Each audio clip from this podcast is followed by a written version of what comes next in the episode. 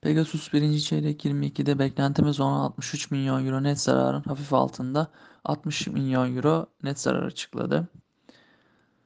Birinci çeyrek 22'de FAVÖK birinci çeyrek 19'daki eksi 5 milyon euro seviyesinden 33 milyon euro seviyesine yükseldi.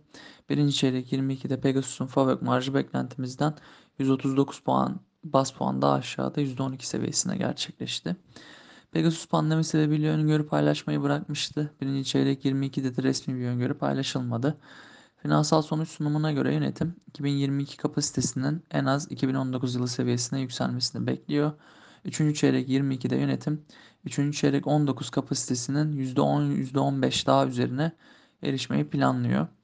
2022 yıl sonunda yönetim 101 adet uçağa sahip olmayı hedefliyor. Güncel durumda 91 adet uçak var filoda. Birinci çeyrek 22'de net borç çeyreklik bazda %2 arttı. Birinci çeyrek 22'de Pegasus Brüt 2 adet uçak aldı.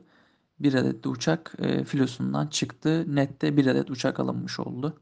Net borçtaki hafif artışın sebebinin uçak alımı olduğunu düşünüyoruz. Dördüncü çeyrek 21'de 6.6 olan net borç bölü FOVAK oranı birinci çeyrek 22'de 5.9'a geriledi.